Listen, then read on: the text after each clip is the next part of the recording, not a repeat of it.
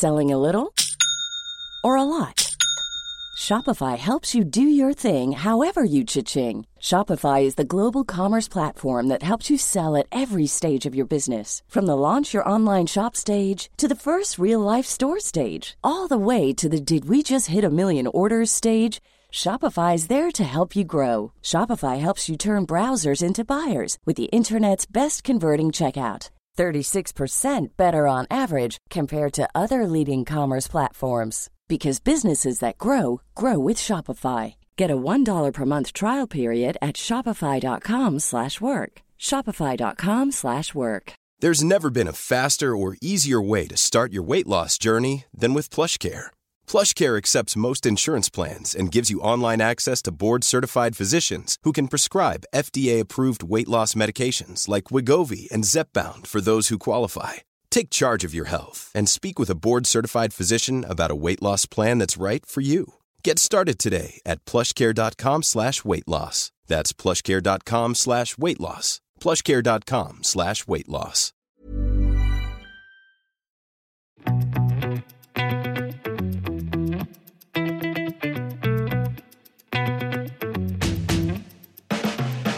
Hei og velkommen til eh, Klokkelandslaget, en podkast fra Finansavisen i samarbeid med tidssonen.no. Jeg er Nicolai Gill, journalist i Finansavisen, og med meg har jeg Jon Henrik Haraldsen. Han er jo da mannen bak eh, tidssonen.no, et nettsted eh, om klokker. Og så er han jo en veteran da, på frilansjournalistdelen, hvor han har levert saker til Motor og Finansavisen Premium i en årrekke. Ja, siden 2015. Siden 2015. Ikke kort tid. Og det er jo ikke første gangen du har podcast heller, men dette blir jo et uh, helt nytt uh, konsept hvor vi skal snakke om klokker, alt om klokker, og enda mer om klokker. Bare klokker. Er du komfortabel med det? Veldig komfortabel med det. Det er jo det jeg lever av, så hadde jeg ikke vært det, så vet jeg ikke helt hva jeg skulle gjort. Nei, det passer veldig bra. Og siden liksom, klokkeinteressen i Norge er evigstigende, tilsynelatende, så tenkte vi at det er på tide med et, sånn, at noen kommer med litt sånn no nonsense, et ærlig take på klokker og alt som er kult med klokker. Klokkehobbyen, og også litt om litt profiler. Litt profiler. Vi skal jo samle de beste og kuleste klokkeprofilene og ha de med i studio her som gjester. Det er planen. Og det er jo veldig mye spennende sånn rundt i Norge som Nå er det så klart man ser mye på sosiale medier og på diverse fora og sånn, men det er jo også mye som går litt under under radaren. Så ja. vi har jo litt ambisjoner om å kanskje få engasjere litt, uh, litt flere av de, og få frem litt, uh, litt spennende samlinger og litt spennende tilnærminger på, på, klokker. Litt annerledes enn det man bare hører om uh, til, hvis man er hva skal man si, litt sånn lett interessert da, i klokker. At vi prøver å utdype litt og forklare litt mer sånn de kule historiene bak de kule klokkene. De fleste har jo fått med seg det at det er ventelister på Rolex, men det er ikke akkurat ja. det den poden her skal, uh, skal ha som kanskje, hovedtema. Kanskje vi kommer med noen triks på hvordan du kommer på venteliste. Hvem vet? Hvem vet? Det hadde jo i hvert fall vært uh... Det blir den mest, uh, mest, mest populære episoden. episoden. det får vi eventuelt vente med. I den første episoden her da, så tenkte vi å snakke litt om klokkeåret 2021. Ja. I retrospekt, da, om man kan si det på den måten. Og Tja, nå har du jo hørt litt om hva den poden her skal handle om, men vi skal jo snakke om litt brede temaer også. Det blir liksom den første episoden her, da. Så da blir det, er det klokkeåret 2021. Og hva har egentlig det budd på, Jon Henrik? Nei, det har jo vært nok et litt sånn annerledes år på grunn av selvfølgelig pandemien. Eh, vanligvis er det jo veldig mye um, aktiviteter, veldig mye messer, har jo mm. i klokkeverden en veldig sentral rolle. Eh, da er det en eller to messer eh, i løpet av året som eh, trekker publikum fra hele verden, og hvor nye klokker blir presentert, og det er ja, storstilte lanseringer. Det har det jo blitt veldig lite av. Det meste har foregått digitalt. I forhold til liksom eksport av klokker og sånn også, så er det jo Det har jo vært tøffe tider for en del merker, og det reflekterer jo også litt i hvordan Eh, mønsteret da, i, i, forhold til lanseringer og nyheter og Noen merker har kanskje vært litt mer forsiktige, ja. og, det, og, det, har de vært i år, og det var de også i fjor. Og så har noen klokkemerker også gått uh, litt bananas, om vi kan si det? Ja, det har jo pågått en stund. Ja. Men uh, ja, tenker du på Du tenker på Jeg tenker på noe vi skal komme tilbake til. Men uh, vi tenker jo på eksempel merker som egentlig tidlig har vært veldig konservative, har kanskje vært litt ekstra lekne i år. Ja. Og, men det, kan, det er en liten teaser for uh, litt senere i poden her. Men uh, ja. Det har ikke vært så mye reiser. Vanligvis så er jo liksom å være klokkejournalist, det, det medfører uh, Klokkejournalist, det er snevert. Men Ja, det er eh, det er veldig- veldig spennende, jeg lover. Um, så det medfører jo litt reising. Det Det det. har vært særdeles lite av, eller? Ja, det har vært veldig lite. Jeg tror ikke jeg har vært på en eneste, eneste reise. Eneste jeg har vært på av noe arrangement av betydning i år, det har jo vært var jo eh, Eller i 2021, det er jo Oslo, Oslo Watch Fair. Ja. I, i hjertet av Oslo. Ja. Og det, det var jo en fantastisk opplevelse, det, da, etter å ha sittet liksom isolert nå i kjempelang tid og komme tilbake og få møte folk og Veldig gøy. Selv om det ble liksom en kortvarig toppen før det liksom stenger ned igjen. Mm. Men øhm, ja. Vi får bare håpe at fremtiden blir bedre, og at det kommer litt tilbake til, øh, til sånn det var. Men jeg tror samtidig at mange i klokkebransjen nå har skjønt det at det går an å gjøre ting enklere enn å fly inn folk fra hele verden og, og betale den regningen for å, for å gjøre det, da. Og så, um, så, så det kan nok hende det skjer en litt sånn varig endring nå i, um, i hvordan bransjen opererer. Ja. Vi har jo sett at eh, klokker som liksom har blitt lansert på messene, da, og da, de store messene er jo det som før het Basel-messen, som var fysisk. Ja. Og så hadde man i SIHH, som var i Genéve. Ja. Og Det er som byttet navn til Watches and Wonders for et par-tre Ja. år siden. da. Så takk som retter. Men eh, så ja, ting har jo uh, endret uh, seg. Men uh, jeg tror alle forstår at det er som at det, er koronaår og bla, bla, bla, og kanskje vi skal bare Men en, en ting som jeg vil bare nevne der, en ting som har endret seg, som er litt til fordel Mm. for oss som er opptatt av klokker, da, det er at det virker som den tiden hvor produsentene nå har hatt tid til ja, Selvfølgelig ved noen fabrikker sånn, så har det vært lavere kapasitet, det har vært vanskelig med produksjon, enkelte ting har vært utfordrende, men det virker nesten som om de har hatt mer tid til å planlegge litt, og, de, og, og at de har vært litt eh, At de har endret litt det der produktlanseringsløpet. Så det man ser nå, er at man kan lese om en klokke. Eh, det Ja. slippes en pressemelding om en klokke, og så er den faktisk tilgjengelig hos Ja, det var forhandler. den tanken eh, jeg ikke rakk å fullføre i stad. Og det er jo veldig positivt for oss som er interessert i klokker. For sånn det har vært tidligere, Veldig. har det jo vært det at man har kanskje lest om en klokke i, eh, i januar, da. Mm. Og så kommer den kanskje, så får man kanskje en telefon fra forhandler at ja, den du bestilte i januar, den er du heldig nå, så kommer den kanskje inn nå før jul, ikke sant? Så mm, bedre for klokkeentusiaster. Med mindre du velger noen av de absolutt mest populære. Ja, ikke sant. Altså, men de, de vet alle hvem er, eh, vil jeg tro. Ja. Skal vi eh, gå inn på den første faste spalten vår? Yes.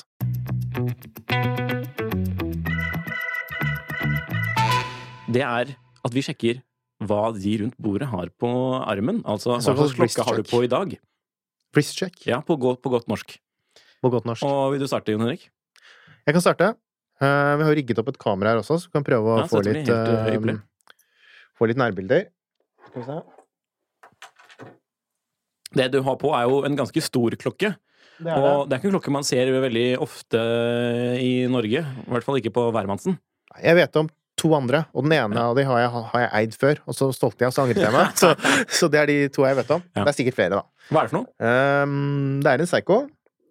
Og det er en såkalt tuna can Psycho, eller tunfisk, eller uh, tuna. Eller. Hvor stor er den? Den er over 50 millimeter. Ja, det er litt forskjellig. Jeg har faktisk ikke målt den selv, og det burde jeg kanskje gjort, fordi Mm. det er jo litt sånn varierende hvordan disse produsentene måler uh, klokker, men Ja.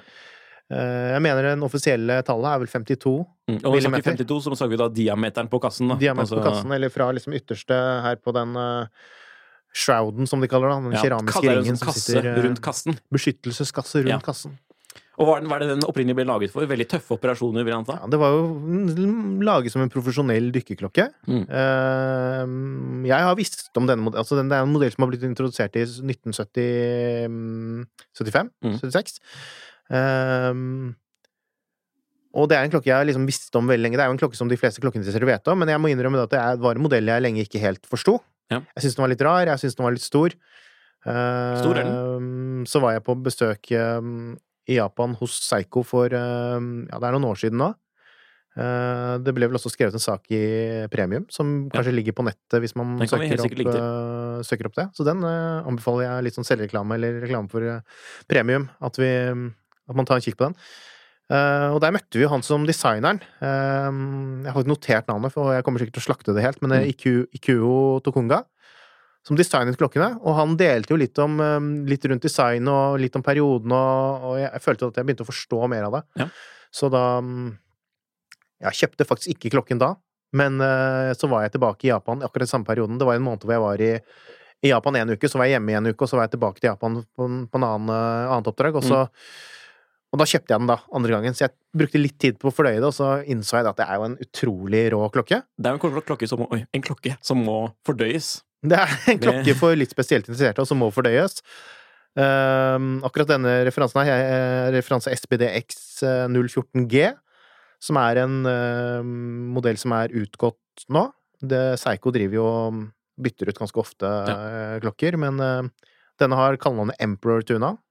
Uh, litt spesielt på grunn av det roségull, eller ja, det er jo ikke ekte gull, men altså det er jo belagt med gull. Eh, mm. Roségull. Um, det jeg er veldig fan av akkurat med den modellen, det er jo det at den har um, skive uten den nye X-en som Seigo har begynt å Riktig, riktig, riktig og sette på mange av de Hva nye den definerer, eller ja, det er Prospex. Prospex er jo mm. liksom navnet på underfamilien innenfor Seigo dykkerklokker, eller Seigo-klokker, da. For Seigo er veldig glad i å kategorisere klokkene sine. De lager, ja. De, de har ikke noen gode modellnavn. De har som regel bare et referansenavn, mm. og så har de mm, nummer, og så har de eh, produkt, eh, sånne familier, da. Ja. Og Prospex er jo litt sånn profesjonelle dykkerfamilien. Som de selvfølgelig da også har en X-logo på. X som de setter på skiva. Mm. Som jeg syns ikke personlig er så veldig pen. Nei, det er jo mange klokken... entusiaster som ikke er veldig entusiastiske om det. Så dette her er jo den siste, siste av disse tunacan, av den mekaniske tunacan-varianten, mm. 1000 meter, som kom 1000 meter uten vannresistent. Ikke sant? Som kom med det. Det er jo veldig mye mer uh, dypere enn det man noensinne kommer til å være i nærheten av. Most deaf. Uh, og så er den litt spesiell fordi den har 8L35-verket til Psycho. Hva er det? Som er Ja, altså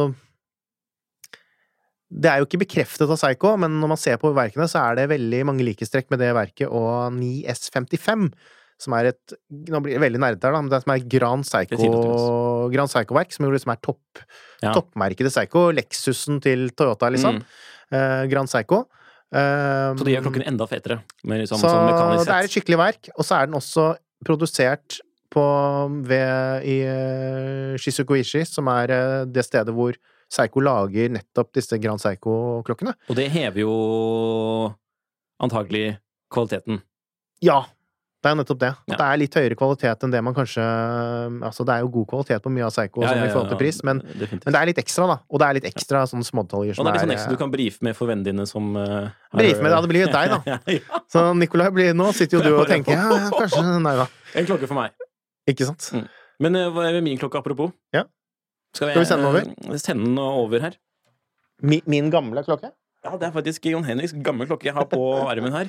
For jeg tenkte jo at uh, når jeg uteksaminerte fra, holdt på å si, med, fra master, så tenkte jeg må jo feire med en klokke, og det er jo gjerne sånn man uh, kjøper klokker noen ganger. At man liksom gjør det for å feire ordentlig Hva skal man kalle det? Uh, accomplishments på godt norsk. Ja. ja. Så da tenkte jeg at jeg skulle feire med en litt fet klokke, og så hadde Jon Henrik en veldig morsom en for salg, og siden jeg kjenner han, og det absolutt hyggeligste er jo å kjøpe klokker av folk man kjenner. Og det er jo veldig trygt også. Så da endte jeg opp med den her. Det er en IWC dobbeltkronograf. Det er fra tidlig 2000-tallet.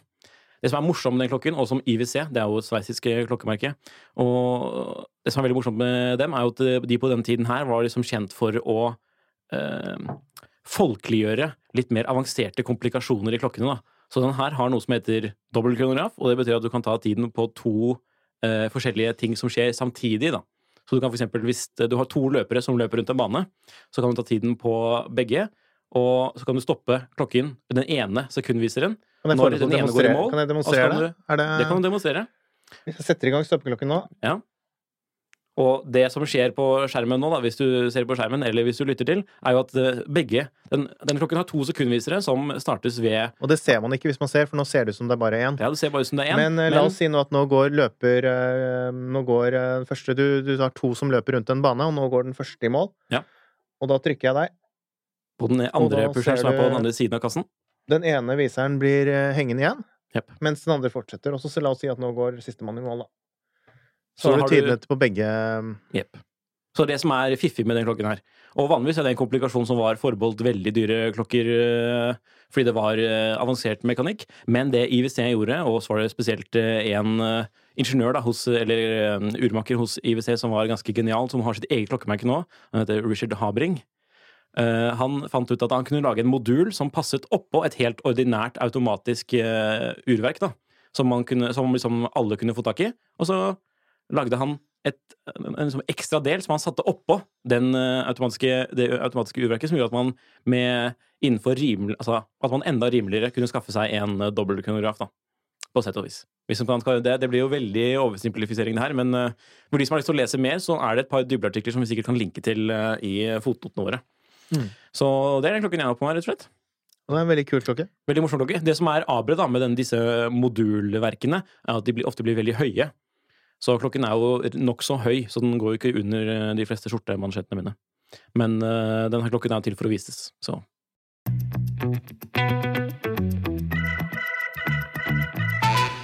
Eh, Det som er, som er hovedtemaet i dag, da, det er jo årets klokker. Og ja, vi har jo snakket litt om klokkeåret, så da tenkte vi at vi skulle kåre kåre. Vi har sikkert veldig forskjellige meninger om hva som er årets klokke. Litt sånn uformell eh, kåring, da. Ja, det blir uformelt. Men vi eh, skal diskutere litt og se hva For at eh, jeg og Henrik har jo ikke helt lik smak. Og det er jo en fin mulighet til også kanskje bli litt eh, Vi vil jo selvfølgelig si at dette kanskje egentlig er fasit da, på de beste klokkene i år, men ja, definitivt. Men eh, Nei da. Det er en litt sånn mulighet kanskje til å bli litt bedre kjent med også de preferansene vi har innen klokker også. Ja. Så, Fordi klokker er jo veldig personlig. Det må jo sies. ja, Og det er det som er gøy med klokker, da. Det er det. At det er så mange ulike tilnærminger, og at det er så mye altså noe jeg syns er helt eh, rart, ikke sant. som kan være folk som er veldig opptatt av ja, hvor datovinduet er plassert. Det er ting som ikke Mm. jeg bryr meg så veldig mye om, ikke sant. Eh, Det kan være kjempeviktig for noen. Formen på viserne. Størrelsen, om det er en millimeter eller en eh, for stor eller for liten. Altså, det er jo så mange Um, Og vi kommer sikkert til å gjøre litt narr av de tingene der også. Ja. Men, uh, men For selvfølgelig. noen, det jo- er lov å overtenke her også, men det er også ikke lov å overtenke. Så Ikke sant? Så vi har jo prøvd å Vi snakket jo litt sammen om dette her før sending, og vi prøver å, prøvde å koke det ned til litt uh, enkle kategorier. Ja. Og så er det selvfølgelig også litt sånn overlapp, kan være litt sånn overlapp det er det. Spesielt de to første kategoriene. En liten varnong på det. Men uh, Ikke sant? Men uh, vi Men jeg vi prøver. greier det. Vi greier det. Og første kategori er jo årets sportsklokke. Og da kan vi kanskje starte med en liten definisjon på hva en sportsklokke er. Nei, jeg tenker jo, at, jeg tenker jo egentlig at det har mye å si med design. Ja. Hvordan den ser ut. Så skal ikke se ut som en dressklokke. skal ikke være på, lær, det skal ikke være på lærrem og en styreslank eh, time only på, på lærrem. Nei, det er fordi noe det er jo veldig ugunstig å svette med en lærrem, for eksempel. Hvis du er ute og gjør sporty ting, som man gjør med en sportskloké. Så kanskje helst på lenke eller en annen type Ja. rem, en gummirem eller en tekstilrem eller sånt noe, og kanskje litt mer eh, Litt mer substansiell kasse. Ja. Litt, litt, eh, Litt bøsere. Ikke sant? Mm. Eh, Selv om det er finnes mange noen... fine liksom, slike sportsklokker også. Men de var mer sportsklokker før i tiden, og faller litt mer i, i dressklokkekategorien nå, nesten. og, og sånn i praksis så er det jo ingen tvil om at det er mange som, eh, som bruker altså Jeg kan ofte gå i en dressklokke og Mm. slenge rundt i joggebukse hjemme, jeg, hvis jeg føler for å gå med en spesiell eller, eh, eller at man eh, har en sportsklokke til dressen. Det er jo en Mm. veldig kjent spesialagent, britisk spesialagent, som har brukt Ja, sportsklokker til, riktig. både smoking og dress i, Ja, i mange, mange år. Eh, så nei. Men sportsklokke, eh, vannresistens, er kanskje også en Det litt sånn greie. At bør Du må kunne plaske i bassenget på Mallorca med den her. ja, i hvert fall, I hvert fall lite grann. i hvert fall tåle, tåle Ja. litt regnvær. Ja. Men uh, ja. Så jeg tror vi egentlig bare kan gå rett på. Jeg vil gjerne ta mine Ja. valg først. For eh, jeg føler at jeg er veldig engasjert for mine valg, men jeg er også villig til å bifalle etter Gun på, da. kanskje noe du har. Ok, så en av de kuleste lanseringene, spør du meg, da, i år, det er jo at uh, Hermes, Hermes kom med en egen Skal ikke være lett å uttale disse navnene. Vi skulle nesten hatt en egen episode med uttalelse av navn også. Ja. Men de kom i hvert fall uansett med en uh, morsom uh, klokke. Det er ikke sånn merke man tenker på når man tenker klokker.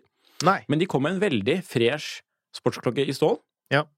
Som Som vi faktisk skrev om også i Finansavisen. Det Ja. ligger kanskje ute Og da hadde vi Det var faktisk first look på, Det var en eksklusiv first look Mm.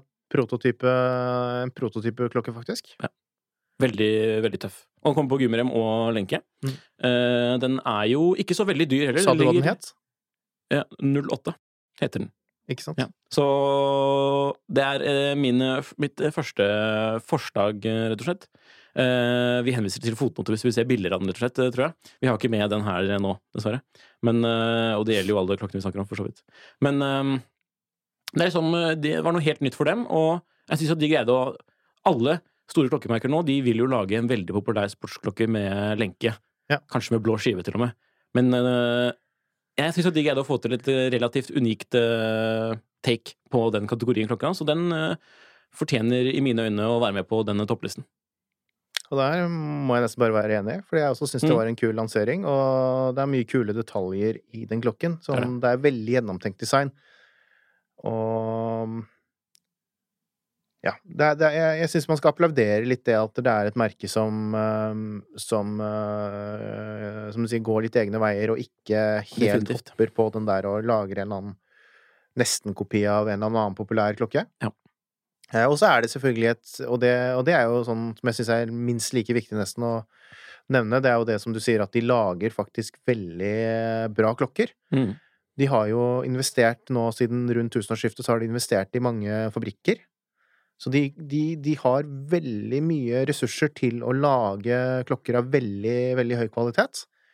Så mm, det kan jo være litt lett å tenke at ja, det er sånn motemerke som lager moteklokker, eller kan lisensiere bort, eller altså får det laget på en eller annen en eller annen eh, tilfeldig fabrikk, men det er jo ikke tilfellet i det hele tatt. Det er jo Det er selvfølgelig også varierende altså grad av hva skal jeg si, kvalitet på klokkene innad hos uh, merket, men, Ja. men uh, på topp, toppmodellene så er det virkelig, Ja. virkelig Og den her er jo ikke blant de dyreste merker heller. De har, veldig, den har veldig morsomme sånne månefaseklokker som er litt sånn funky og Og så er de veldig sånn at de har jo også eh, Når de ikke Når ikke de eh, De skryter jo ikke på seg liksom også Nei, dette har vi gjort selv. Altså, de har jo hentet inn ekspertise utenfra også, da. definitivt. Når det har vært ting og brukt uh, frittstående urmakere og sånn til å bistå med, med å designe disse komplikasjonene og, Mm. og Ja, sånn. det, er veldig, det, det fremstår veldig vellykket. uh, Veldig spennende, og et veldig spennende merke å følge med på videre, hva Veldig de det. gjør med Det er liksom en sånn liten utfordrer til uh, Cartier når det kommer til litt sånn funky uh, klokker her. Ja, de rimeligere klokkene, kanskje, Ja, men, ja. eh, men de dyrere, da tenker jeg liksom Ja, men det jeg har en veldig dyr kvarterklokke senere her, så vi kan utfordre det. Ikke sant? Ok, hva med deg? Nei, min ho Nei. mitt hovedvalg, eller mitt uh, toppvalg i årets sportsklokke, det er en uh, Grand Seiko. Ja. SLGH 005, som jo ikke sier så mye. eh, eller som, men uh, White Birch er jo kallenavnet på den, så Mm. da vet kanskje flere hvem, hvilken klokke det er. Ja. Hva, hvorfor har den det navnet? Uh, nei, det er jo sånn, da har jo Seiko kokt sammen sånn, for det har de, det har de blitt veldig mye flinkere, flinkere til med årene, Ja. da. Tidligere så var jo Seiko og Grand Seiko litt sånn forsiktige og de, de, de var veldig litt Altså, sveitserne er jo sånn, de, de kjører på med store ord og Mm. sånn. Um, I Japan så har det vært litt mer øh, nedtonet, men nå har de jo liksom Nei, det er jo inspirert av bjørkeskogene rundt i området rundt i Morioka, da, hvor denne klokken blir laget i atelieret av øh, master craftsmen, ikke sant. Så det er, det er ikke helt søkt heller å si det, da, for det ser Nei da, for det ser jo faktisk, sånn ut. som en litt sånn øh, barken på en hvit på, på bjørk, men øh, men det er en fantastisk det, Den øh, representerer liksom en ny stil, stilretning for øh, Grand Seiko, da, i form av kassen og sånne Mm. ting. Det er, øh, og det er selvfølgelig den typiske sånn Grand Seiko-stilen med mye vinkler og Mm. veldig polering polering, og øh, Seiratsu-polering, børsting, De kanter er veldig fett, og det er jo en av de tingene som Grand Psycho er veldig gode på. Akkurat nå så har vi jo, eller i, kommende, eller i premium, da, som man kan lese, så det jo, har vi jo nettopp gjort en sånn test av en av disse nyeste modellene i eh, en sånn eh, ny serie som de har, som liksom skal etterligne de forskjellige årstidene i Japan. da. Ja, riktig. Og det er, altså, de er veldig gode, gode på urskiver og finisjering er av uh, eh, verkene. Vi, vi liker det. Finisjering av kassene. Ja, kassene. Jeg beklager. beklager, beklager. Verken også har blitt bedre, og det er det som også er litt interessant med, med denne modellen her. Det er jo det at den har eh, den har den nye, nyeste generasjonen GS-verk. Mm. Selvtrekkende mekanisk verk. Uh, som jeg syns i stilen er litt likere kanskje det man ser i Sveits. Så Ja. både også da finishgrad og, og design. At Mm. det er et moderne verk med en del moderne trekk. Så Ja. det, er, det er min uh, Ja, syns- hva, hva, hva, hva syns du? Er du tilbørlig for å høre på mitt forslag? eh, altså på å bruke hermesklokka, eller er det Hva tenker du da? ja, Hvilke skal vi kåre? Blir vi enige om en her? Nei, det tror jeg ikke vi blir. Nei. Fordi jeg, jeg mener denne her er for meg bedre enn Hermes-klokken. Ja. Eh, som en totalpakke, da. Eh, Prisen er kanskje litt i stiveste laget, eller litt i forhold til litt sånn uvant for, uh, for Grand. 100, mm. Nesten 110 000, med det der.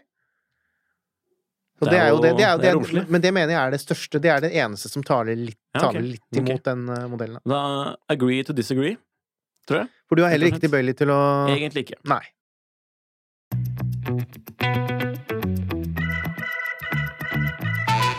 Ja, Da er jo neste kategori Det er jo en sånn kategori som ligner litt på årets sportsklokke. Den har jo brukt lang tid på årets sportsklokke, ja. men det er også den kategorien som liksom er mest populær av hva gjelder klokker i Norge, vil jeg si.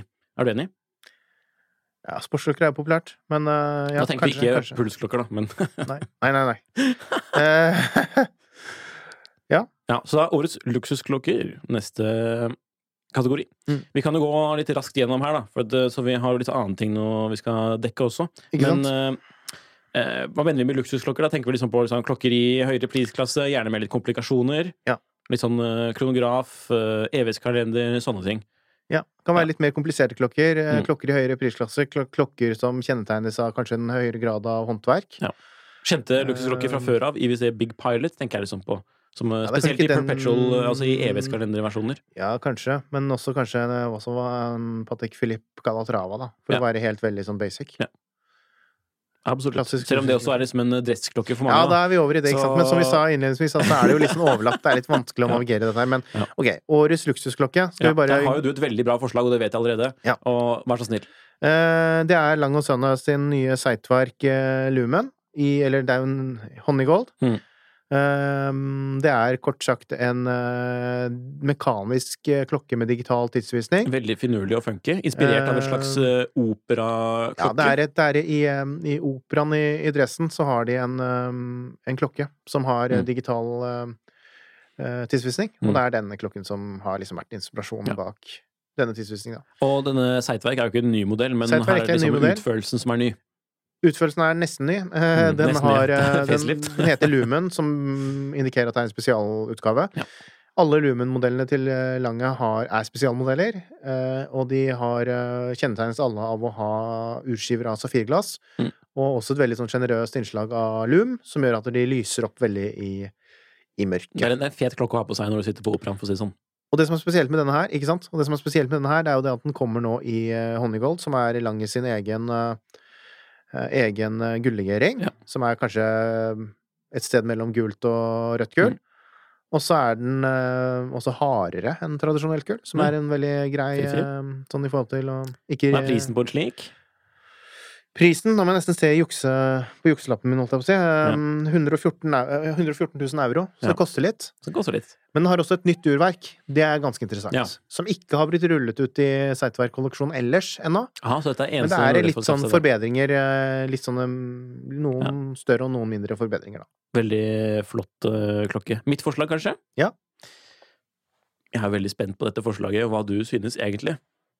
Og det er Bulgari, som kanskje flest kjenner fra smykker og litt sånn enklere klokker, mm. de har jo en modellserie som er veldig populær blant entusiastene. Men i hvert fall skaper furore, eller interesse, er det mer riktig å si.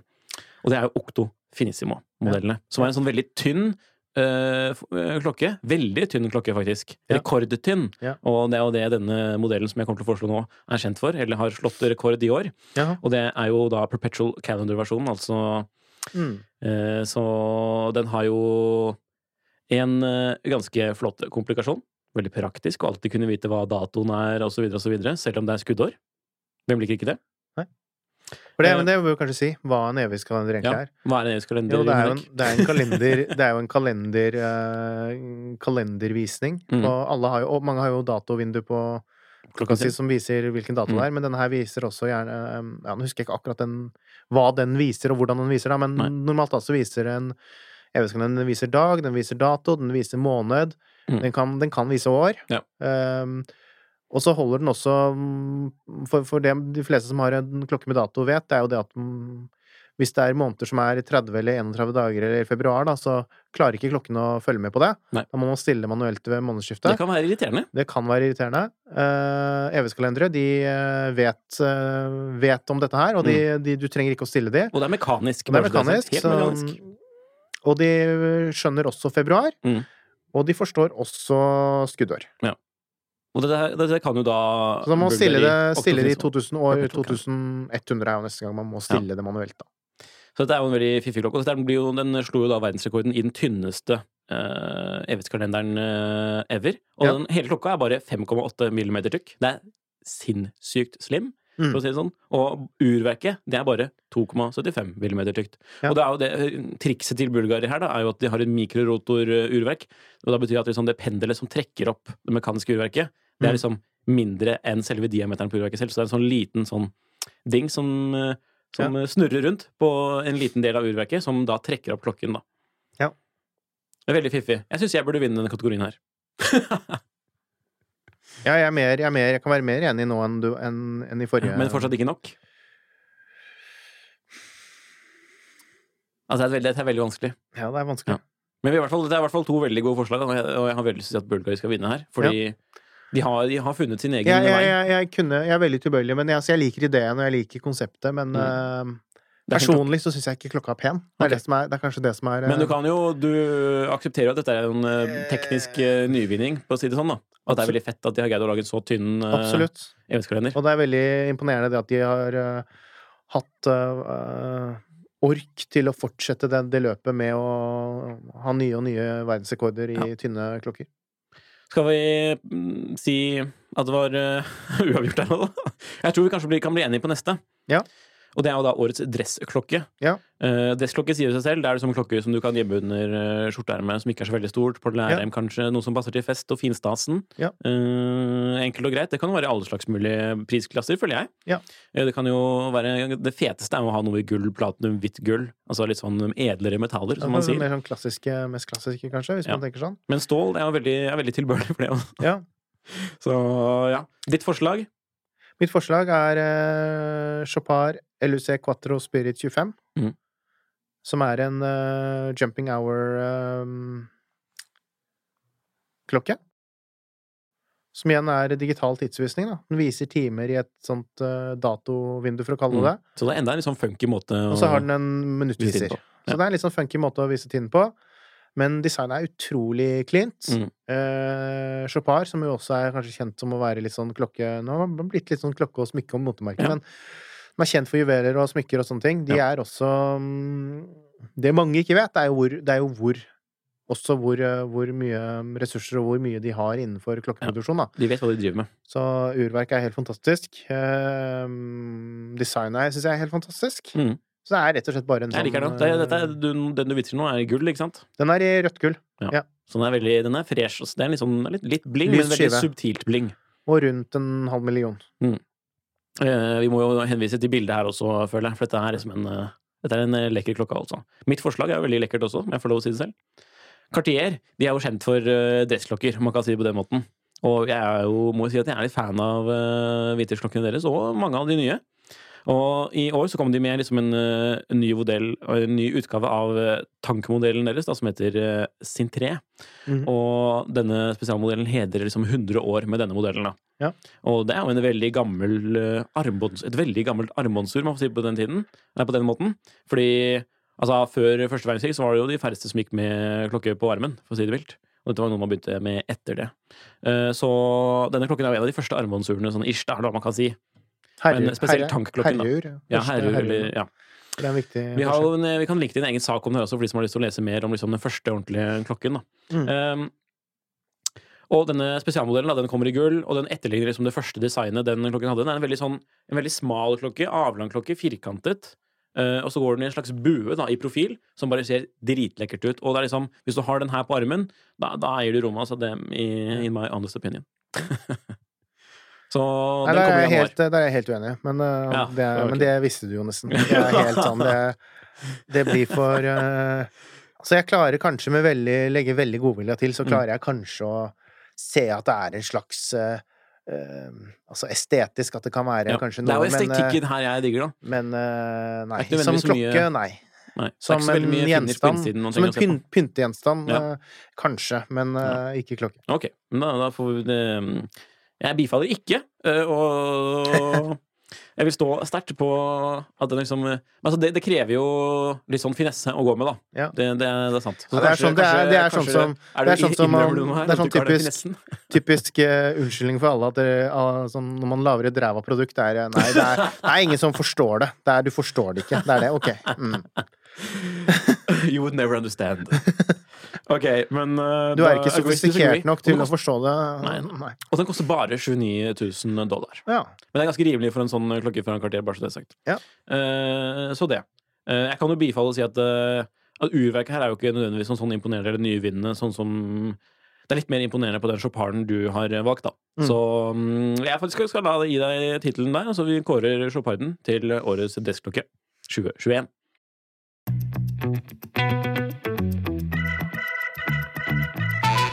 Så har vi to kategorier til som vi må rushe gjennom, nesten. Men det skal vi greie. Ja. Vi skal greie det. Årets utfordrer det er jo en ny klokke fra et nytt merke, da, tenker vi. Liksom ja. sånn Litt sånn løst definert. Ny, ny klokke. Altså, ny klokke ja. må det jo være, men fra et nytt nytt, nytt, eh, nytt klokkemerke i anførselstegn. Ikke sant? Så da tenker vi liksom noen som ikke er viden kjent, eller bare har funnes liksom et par år. De fleste klokkemerker liksom, har liksom historie fra 1800-tallet, mm. minst. Mm. Uh, så med utfordring mener vi liksom ja, noe som har kommet de siste årene. Og en ny modell for året, da, naturligvis. Da bare starter jeg. Ming 1709 eh, Burgunder. Ja, Ming er vel et merke som kanskje ikke alle kjenner til. Det er jo litt sånn uh, independent, som man kaller det. Uh, Men det har jo det har fått ganske mye Altså det overraskende mye fotfeste på veldig kort tid. Ja. Jeg husker ikke når det ble lansert. Er det for to-tre Kanskje det er fire år siden? Det er en gruppe klokkeentusiaster som startet det, var det ikke det? Ja, det er litt, litt forskjellige investorer, samlere, litt ja. sånn um, en av de var jo Eller flere av de involverte har vært ganske profilerte i samlermiljøet, da, vil jeg mm. jo kanskje si. Jo, inkludert Ming selv, ja. som er grunnleggeren. Ja. Og de har greid å lage et produkt som veldig mange liker. Ja. Og som har en særegenhet, ja. men som likevel har noen elementer fra enda liksom dyrere klokker, litt sånn estetisk, da. Ja. Jo, jo, kanskje litt. Så har de samarbeidet med en med riktig urverksprodusent for dem, da, sånn imagemessig, føler jeg. Ja, kvalitetsmessig så er det ikke sikkert det har vært ja, riktig. Men... Det, er noen der, der har det vært litt sånn Det har vært litt diskusjoner på Litt forskjellig. Men, men, dette her går jo For meg så går det bare på design, akkurat på disse klokkene. At jeg syns designet er det er fresh, det er noe nytt. Mm. Fortsatt, selv om det har blitt solgt ja. mange og, og, det har blitt mer vanlig merke. Mm. Syns det er noe nytt og fresht. De gjør ting litt annerledes. Uh, det er jo en slags, Den ser jo litt sånn dressy ut, den her. Ja, kanskje litt. Den er ikke veldig stor. Den er ikke veldig stor. Og kommer på skinnrem. Og uh, sånn semsket rem. Og på lenke, for den saks skyld. er det ikke det? Jeg husker faktisk jeg, Du kan få kjøpt lenke, de men, på rem, men de leveres vel på rem. Mm. Uh, Fiffig design, veldig morsomt forslag. Jeg liker det. Ja. De har jo kommet med et par modeller i år. Ja. Uh, jeg er veldig glad i merket, Altså. De lager, veldig, de lager eh, klokker som skiller seg litt ut. Men er det Ming du har på Nei, jeg har Baltic, et annet sånn Eller det er jo et, et microbrand, som kaller det, et sånt veldig lite klokkemerke. Som, ja. som er nytt og drevet med liksom sånn gründer spirit, man kan si på den måten. Fransk, er det ikke det? Fransk, ja. Mm. Uh, og de har jo kommet med en ny modell som heter Microrotor. Uh, mikrorotor. Ja. på godt norsk. Det forklarte du litt i sted hva, hva, det er? Ja, det gjorde jeg jo. Som det samme som den bulgarien som jeg listet opp i stad. Ja. Uh, og, men denne gangen er jo Det som er morsomt, da, mikrorotor er jo en, vanligvis en sånn derre Noe man ser i ganske dyre klokker. Eller dyrere klokker. Tja. I den moderne tiden, da. Ja. Uh, og da snakker jeg ok, over 30 000. Mm. Uh, mens denne klokken koster bare 600 dollar. Og ja. nøkkelen til det er jo at, at det er et kinesisk ja. urverk. Mm. Ja, som er svært rimelig innkjøp. Man kan mm. si på den måten. Det koster under 500 kroner innkjøp, eller sånn, men jeg har lest. Ja, okay. så Hvordan er, er presisjonen på det? Fungerer den som en klokke? Jeg tror det fungerer som en klokke, ja. Som, som en, litt som en dårlig som, som en klokke som trenger service? Ja, men man skal, snakke, man skal ikke snakke så mye nei, nei, ned juleverkene heller. Vi, vi skjønner at det tøyser, Henrik, men for de som uh, lytter og ikke vet, så er det jo det Uh, ja, det, er, det, er, spennende hvor mye liksom, sånn, hvor, hvor de Det er også noen kinesiske kronografurverk, Seagull, som også uh, er veldig populære i sånne billigere klokker. da mm. Fra microbrands eller sånne små merker. Ja. Så at de har liksom putta inn den, jo, det ser jo veldig kult ut da på baksiden uansett. Selv om det ikke det er finisjert eller veldig raffinert. Jeg føler det der nesten er litt sånn ja, nå strekker jeg det veldig langt, da, men det er mm. nesten sånn derre Badge-tune bilen din nesten litt. Okay. Nesten litt. Okay, okay. Det er liksom mikrorotor for mikrorotorens skyld. Ja, det, det er vel en uh, Mikrorotorverk for mikrorotorverk. Men det er jo veldig morsomt da når du kan få det i den billige prisklassen. er liksom mitt argument. Oh, men liksom, hovedpoenget med grunnen til at jeg liker den klokken her, er jo ikke nødvendigvis urverket. Det er jo det at det er Du syns design er bra? Jeg syns design er bra. De bruker noe som heter Breguet-numeraler, på mm. sett og vis. Og det er liksom ja. uh, Det er 1, 2, 3, 4, 5, 6, 7 og opp til 12 på skiven. Gjort i en veldig sånn, litt sånn fancy font, da. Og det er sånn man gjerne ser kun i vintersklokker. Mens nå har de laget en veldig sånn vintage-inspirert modell. Ja, men det er, som er, det, er, liten, det er vel nesten fin. bare det de gjør, er det ikke ja, det? er jo nesten bare det de gjør, ja. Lager sånne vintage-inspirerte modeller. Og oftest gjør, gjør de det veldig vellykket, sånn estetisk sett. Uh, men så er det jo klokker i 600 men vel, millioner. Men og... vellykket da er Ja, det er kanskje en lengre diskusjon for en annen episode også, men ja. vellykket er jo da at man syns det ligner veldig på de klokkene fra den ja, tiden. Ja, men det har en viss særegenhet her også, da. Men øh, jeg er uh, jeg må jo si at uh, Ming-modellen som du foreslår, er et svært godt forslag. Og det merket har gjort så mye bra at jeg uh, Sånn uh, modellmessig, da. At uh, jeg er villig til å høre på det. Ja. ja.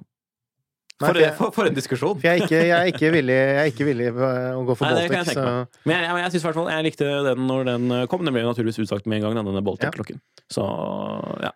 Nå er vi nesten litt over. Den er jo litt sånn unisex, eh, og liksom ja, Alle kan gå med den. Ja. Det er litt morsomt, da. Men eh, vi lar Ming vinne der, med 1709. Men så er vi litt over nesten noe annet, da, siden du er i en, en sånn prisklasse. Ja, for, vi, for det... Vi, det... siste vi skal gå gjennom, er liksom årets budsjettklokke, da. Ja. Altså en klokke under 10 000 kroner. Og mitt forslag, ja. hvis jeg får lov å starte på, ja, ja, på enda en gang Det er en klokke som jeg kjøpte i år, og også har solgt i år.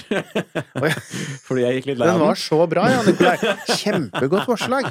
Det er en Bulova Milships, og Bulova er jo egentlig et amerikansk klokkemerke som nå produserer for det meste i Sveits, da. Ja. Eller eh, som går under Swiss Made. Men det er ikke akkurat denne klokken som jeg refererer til nå, kommer jo både i en Swiss Made og en eh, som ikke er denotert med hvor den er laget, holdt jeg på å si. Men er som er satt sammen i Sveits. Det er Myotaverk, ja. så derfor får den ikke lov å stå en Swiss Made. Mm. Fordi urverket er fra Japan. Ja.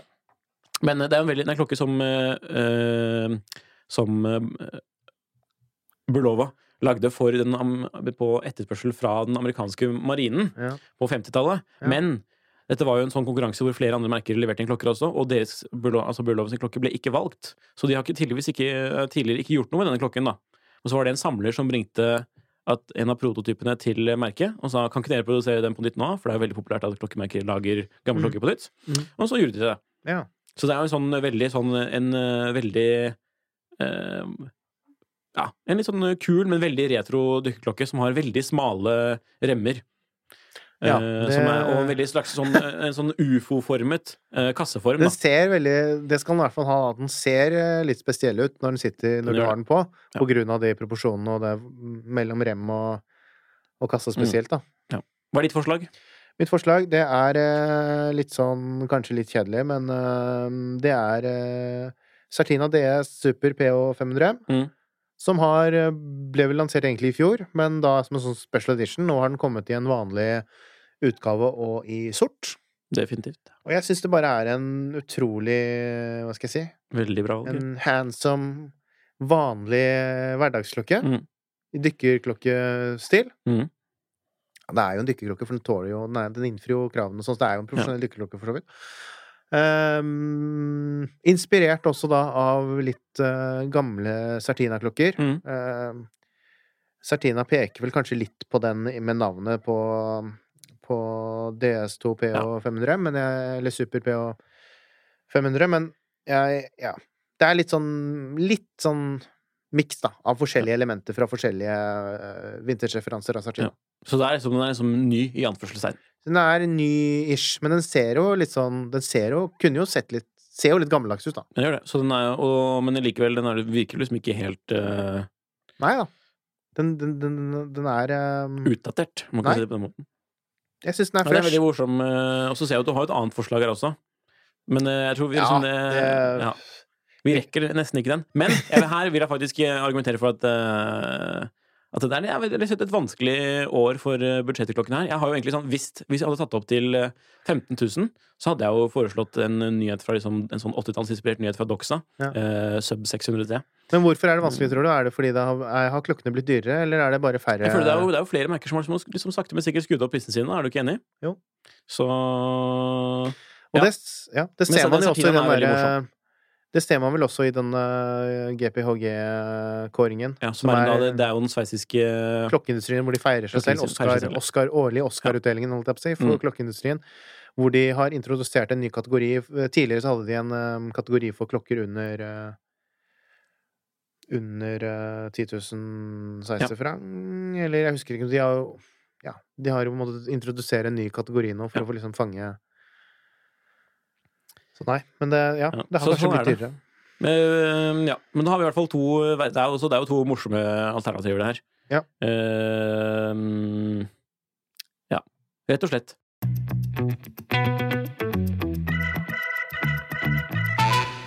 Den siste spalten av nå som vi er ferdig liksom, med å kåre i hvert fall to av årets beste klokker i hver kategori. to, to, av, de beste klokkene. ja, to av de beste klokkene. Så sånn ble det. Men det er også sånn, det kommer mye klokker hvert år uansett uh, hvordan man vil vende på det. Og det, det. det, er jo mye morsomt å trekke frem, og det er mange vi ikke fikk eh, gått inn her nå heller. Så jeg tror vi går over i neste spalte, som er siste spalte, og det er noe vi kaller ukens oppkjøpskandidat. Og yes. her skal vi liksom se hm, er det noen fete klokker vi selv har vurdert uh, denne gangen? Eller uh, er det noe vi har sett trender på i auksjonsmarkedet? Som skjer i markedet, ja. Og denne uken som vi sitter her og snakker, da, så har det jo skjedd noe viktig i anførselstegn. Ja. Og i hvert fall noe som har skapt furore. Mm. Denne gangen passer det å bruke det ordet. For Patek Philippe, som liksom er en av de absolutt høyeste ansette sveitsiske klassiske urprodusentene, ja. de har feiret det siste året med deres mest populære referanse, som heter Nautilus, og så da under referansen 5711, um, som de har hatt siden 70-tallet. Eller eh, ja, in essence, da, siden 70-tallet. Mm. I hvert fall sånn Nautilus-modellen, da. Og nå skal de liksom feire at eh, de er ferdig med akkurat den referansen da, som jeg nevnte. Og da har de lansert to nye klokker dette året her, ja. under den. Og en med grønn skive, ja tidligere år, og nå kom det en med en Tiffany-blå skive. Ja. En sånn babyblå-aktig. Um, og det har skapt veldig mye eh, reaksjoner. Og det var en sånn, det var en sånn kunngjøring som kom veldig kjapt og litt uventet. Mm. Uh, og jeg vil vel argumentere for at den lanseringen av den Tiffany spesialmodellen Det er jo en er, altså For å si litt om, kort om det, da, så er det jo bakgrunnen for det er jo det at Patek og Tiffany har jo hatt et veldig lang, en lang relasjon mellom de to. Ja, med Tiffany er jo en, for, en sånn luksusforhandler i New York, da, ja. som er veldig kjent. Uh, men mest for smykker og den type ja. ting, og ting under eget navn. Men uh, klokker også, mm. og da Patek. Og det Tiffany har hatt en litt sånn tradisjon for å gjøre, er jo å selge klokker med sitt eget navn på urskiven, i tillegg til ja. uh, Patek-navnet. Og disse klokkene har jo blitt da veldig populære blant samlere og sånn, for en eller annen merkelig mm. grunn.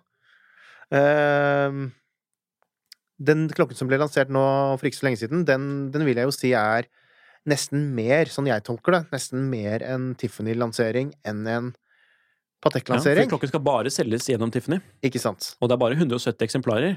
Og det du også nevnte at det var en som er auksjonert bort, det var jo ett ja. eksemplar som har blitt donert til uh, til eh, et, eh, en veldedig formål som ja. ble valgt av også Tiffany. Så det er vel mm. også, og det blir dokumentene der på klokkene som blir også signert Tiffany. Ja. Så jeg tolker jo det som at det er på en måte Tiffany sitt sin, det det. Eh, sin greie, da. Men mange syns at det blir litt, sånn, litt vel kommers avslutning på på denne ikoniske modellen. De fleste er vel forbanna fordi de egentlig har lyst til å kjøpe den. Ja, Og ikke får tak i den, fordi alle har lyst på denne klokken. Ja. Og da betyr jeg... ikke alle i anførselstegn, for det er alle. ja, det er alle, og, og... og det er en dyr klokke, for den koster bare listeprismessig, da, så koster 52 000 Og så vil jeg slenge sånn brannfakkel at, at det er sånn 80% av de som er interessert i den, er interessert i den fordi alle andre er interessert i den. Ja. Altså, som det er med, som jeg også vil si det er med det er, Og det er lov. Det er lov. Uh, Men det, som, det, som er, det, som skapte furoren, var at denne gikk for et hinsindig Altså et Husker du hvor mye det var? hinsides beløp. Ja, jeg husker det, for jeg har det på, på arket her. 53 Nei, 5,3 millioner dollar. Etter salær og avgifter så blir det 6,5 millioner dollar. Ja. Og dette er da en klokke, jeg gjentar, som enda ikke har begynt å bli solgt i butikken, eller kanskje som uh, I hvert fall ikke i alle, av alle 170, men ja. denne koster 52 000 dollar da, til de som er så heldige å få lov å kjøpe den. For det er jo ikke Patek sine vanlige klienter som får lov å kjøpe den her. nødvendigvis. Det er jo da Tiffany sine beste klienter som sikkert får lov å kjøpe den nå. Ja. Og det må jo sies å være et Nå får lov til å kjøpe en klokke til over en halv million. Ja. Eller til en halv, million. Here you go. Nei, jeg syns jo det er helt sånn teit, det, da, men uh, det... Ja, det, Men uh, det må jo bare understreke at dette liksom har vært en ikonisk referanse, og det er derfor også med en ekstrem etterspørsel. Ja. Og ventelister som det... du nesten ikke får lov å stå på fra utgangspunktet. Og nå Og det også syns jeg er... En, og, det, det sånn, og mange syns jo det er en litt sånn dårlig måte å avslutte på, da, med å lage uh, denne liksom litt sånn Hva, hva skal man kalle det? Liksom, litt sånn, ja. litt sånn unormalt eh, Patek-kommersielt, da. Selv om det er jo en merke som finnes for å tjene penger. Ja. Nei, altså, det, det, det, er, det pra, viskes jo litt om forskjellige ting. Det har jo ja. Tiffany ble jo kjøpt av LVMH Var det i år? Ja, det var i år som det ble fullført. Som, ble, som eier eh, Louis Vuitton. Ja. Uh, og så har det jo også blitt hvisket om at Patek er til salgs. Mm. Og spesielt uh, Ja, de seneste årene så har vel det blitt mer prat om det. Mer og mer prat. Uh, for det er jo en familie, det er et familieeid foretak i dag, Stern-familien i Sveits, som eier uh, Patek og eid i mange flere generasjoner. generasjoner. Men um, Så noen lurer jo liksom på om dette her er litt sånn frieri til uh, eh, LVMH også, med denne modellen, for, uh, for, det er jo også en sånn referanse til til uh, kjøp av Tiffany ja. i, fra LVMH på baklokket der, på klokken, hvor det står årstall og, ja. og med LVMH-logoen liksom, inni Subtilt, da, vil ja. merke, men så noen har gått så langt som å si liksom at dette her er jo et bevis på at det nå kommer, kommer til å bli kjøpt snart. Ja. Jeg tror ikke det, for LBMA er vel børsnotert selskap, og det er vel mm. regler for eh, liksom, hva, slags, si hva, slags, informasjon man kan ja. si uh, innsideinformasjon. Men uh, ja, jeg vet ikke. Det Altså det er ikke bare auksjonsprisen som har skapt Jeg, jeg tenker nok mer det at, Jeg tenker nok heller mer det at Jeg ser, anser det som mer sannsynlig at de går med på det litt fordi å sjarmere ja eh, LVMH litt og vise liksom virkelig se, se, hvor Og denne auksjonen også se litt Se på styrken i merkevaren vår. Mm. At det er litt det, da. Og ja. det kommersielle potensialet. For LVMH er jo en mye mer kommersiell, og det har vi jo snart diskutert litt sånn privat også mellom oss, at LVMH er jo kanskje ansett som å være litt sånn på enkelte, i enkelte tilfeller litt sånn bølle innenfor luksusmarkedet. Kanskje litt kontroversielt å si, men altså, de prøvde seg jo på nevnte Hermes for noen år siden, og det gikk jo ikke så veldig pent for seg. Så det er liksom, de kommer jo inn da, og, og kanskje tar liksom eierskap i disse tidligere tradisjonelle familieeide foretakene, og det blir en annen Har kanskje en litt annen kultur på mange måter, da. Ja. Um, men samtidig må jeg bare si at de, de har jo forvaltet eh, mange merkevarer, merkevarer, på en god måte også, og tatt de videre. Ja, ja, ja. Det er jo litt sånn satt på spissen, dette her, da, men ja, ja, sammenlignet, vi... med, sammenlignet med de super konservative sveitserne, da, som liksom ikke Nei, eh, de sosiale medier, det driver vi ikke med, og sånn og sånn. Mm. Det, er jo, det, er jo, en rar verden. Uh, gammeldags, gammeldags uh, verden. Klokke, klokkeverden på mange måter, eller hos enkelte merker. Mm. Ikke at Patek kanskje er de verste av de, men de så, og det jeg har sagt, det er jo ikke så mange år siden jeg fikk liksom kataloger og sånn fra noen store merker på CD-rom, og det ja. sier jo litt om hvor uh... ja. det, er, det, er, veldig mye å oppdage om uh, klokkebransjen, ja. si sånn, og vi skal gå gjennom uh, tilnærmet alt, føler jeg. Ja. I senere episoder. Så vi håper at dere kommer tilbake og lytter mer på Klokkegangslaget, altså. Det skal sies. Eh, hvis det er noen spørsmål, så vi, har vi jo tenkt å ha en sånn spalte i fremtiden også. Hvor, eh, Litt som spørretime? Lyttespørsmål, ja. Spørretimen. Så da er det bare å sende inn til nikolai.gil.finansvisen.no i første omgang, i hvert fall. Ja. Før vi får satt opp en ordentlig e-postadresse der. Ja. Så spør i vei, så svarer vi i vei. Spør gjerne vanskelige spørsmål. Spør vanskelige spørsmål. Kontroversielle spørsmål og ting som Jon Henrik kan uh, Eller enkle spørsmål. Helt tipp topp. Takk for at dere lyttet til eh, Klokkelandslaget, en podkast hos Finansavisen i samarbeid med tidsrom.no.